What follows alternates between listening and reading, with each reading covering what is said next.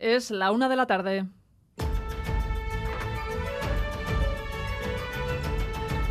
Crónica de Euskadi con Irache Ruiz. Que el pleno de investidura se celebrará los próximos días 26 y 27 de septiembre. Esta decisión la he tomado después de acordarla con el candidato propuesto por Su Majestad el Rey, el señor Alberto Núñez Feijóo.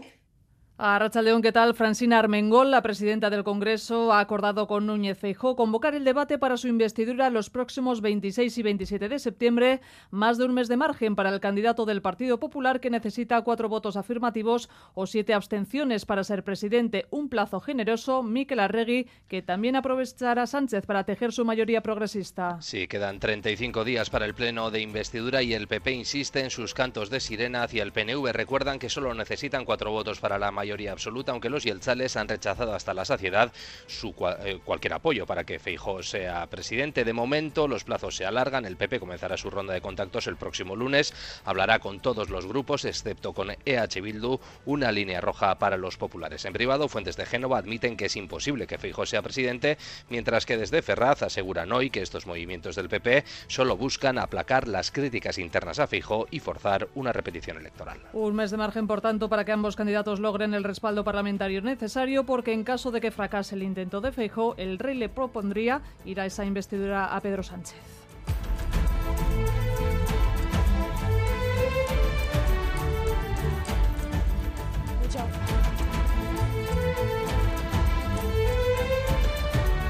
Mucha humedad.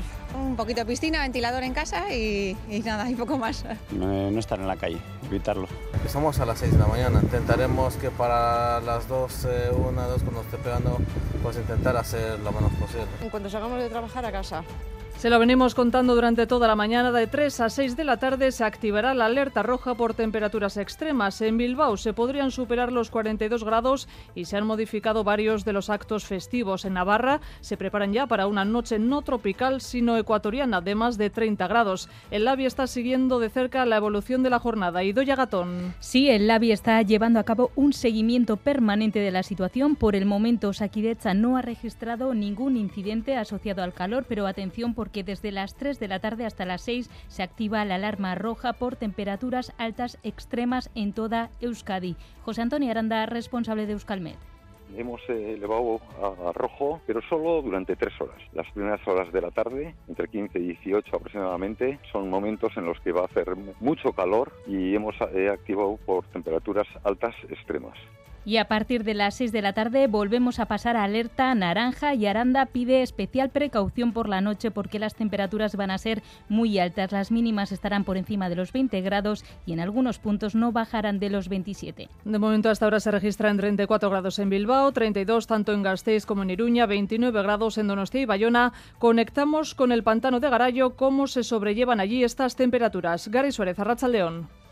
Arracha León, bueno, pues eh, aquí en la zona de Vitoria, en Álava, el pantano es una bendición en días de tanto calor. Por ejemplo, este de Garayo en el que estamos ahora ejerce de oasis cuando el sol aprieta, porque eh, estamos en un entorno natural, con árboles, con sombra y con agua para bañarse. Hemos hablado con varias de esas personas que han venido hasta aquí huyendo del asfalto de la ciudad y del calor y vamos a escucharles. Este agosto está haciendo bastante calor y pues nada, buscando sitios como este para pasar mejor. ¿Os habéis bañado? Sí. ¿Qué tal está el agua? Bien, bien, está muy bien. En Vitoria estos días está siendo un poco inaguantable y vamos a refrescarnos el pantano. Sí, aquí el plan es pasar todo el día y cuando ya baje el calor, pues a Vitoria otra vez. La verdad es que hoy y mañana ya han dicho que hacía muchísimo calor y y eso, y hemos venido aquí. No corre mucho el aire, pero bueno, se está mejor que en casa. Hemos estado un ratito al sol, pero no se aguanta, así que a la sombrita.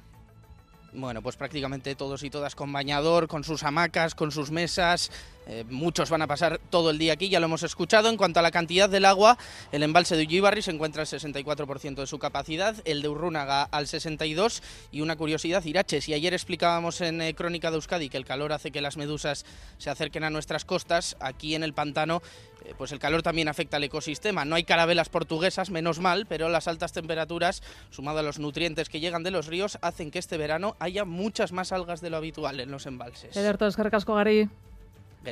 Se prevé que esta ola de calor remita ya el viernes. Y en Bilbao, la cuarta noche de fiestas ha dejado 31 detenciones, una de ellas por un apuñalamiento en el tórax. A las 5 de la mañana, un joven de 20 años ha sido arrestado acusado de agredir con un arma blanca a otro varón. Es el suceso más grave de una noche de la que ha hecho balance el alcalde Aburto fundamentalmente robos y hurtos. Esta noche tenemos 31 eh, personas detenidas, mayoritariamente por este tipo de, delitos, y tres por, eh, por tocamientos. Eh, es difícil decirle a quien le han robado el móvil o a quien ha sufrido un tocamiento que no hay nada reseñable, ¿verdad? Pero quisiera que se entendiera esta expresión. Lo más reseñable es ese apuñalamiento de un joven de Abando.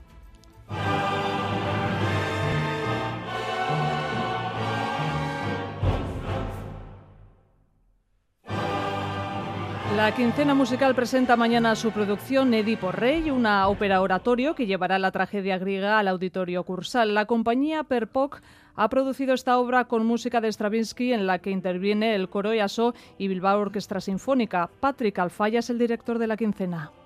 Pues es una ópera oratorio, llamémoslo, llamémoslo así, y yo creo que es una de las obras más interesantes que se escribieron en, el siglo XX, una de las obras de, bueno, Stravinsky la verdad es que tiene una producción magnífica, ¿no? pero es una de sus obras más, más emblemáticas. Y a la polémica por la no dimisión de Luis Rubiales tras el beso a una jugadora ganadora del Mundial se le acaba de sumar Josep Burrell. El responsable de la diplomacia europea ha sido así de diplomático al valorar el triunfo mundial de la selección española. Ahora son nuestras mujeres que están aprendiendo a jugar al fútbol también como los hombres, eso en sí mismo ya es una muy buena noticia. Ahora sí vamos con lo estrictamente deportivo. Titulares Álvaro Fernández Cadierno.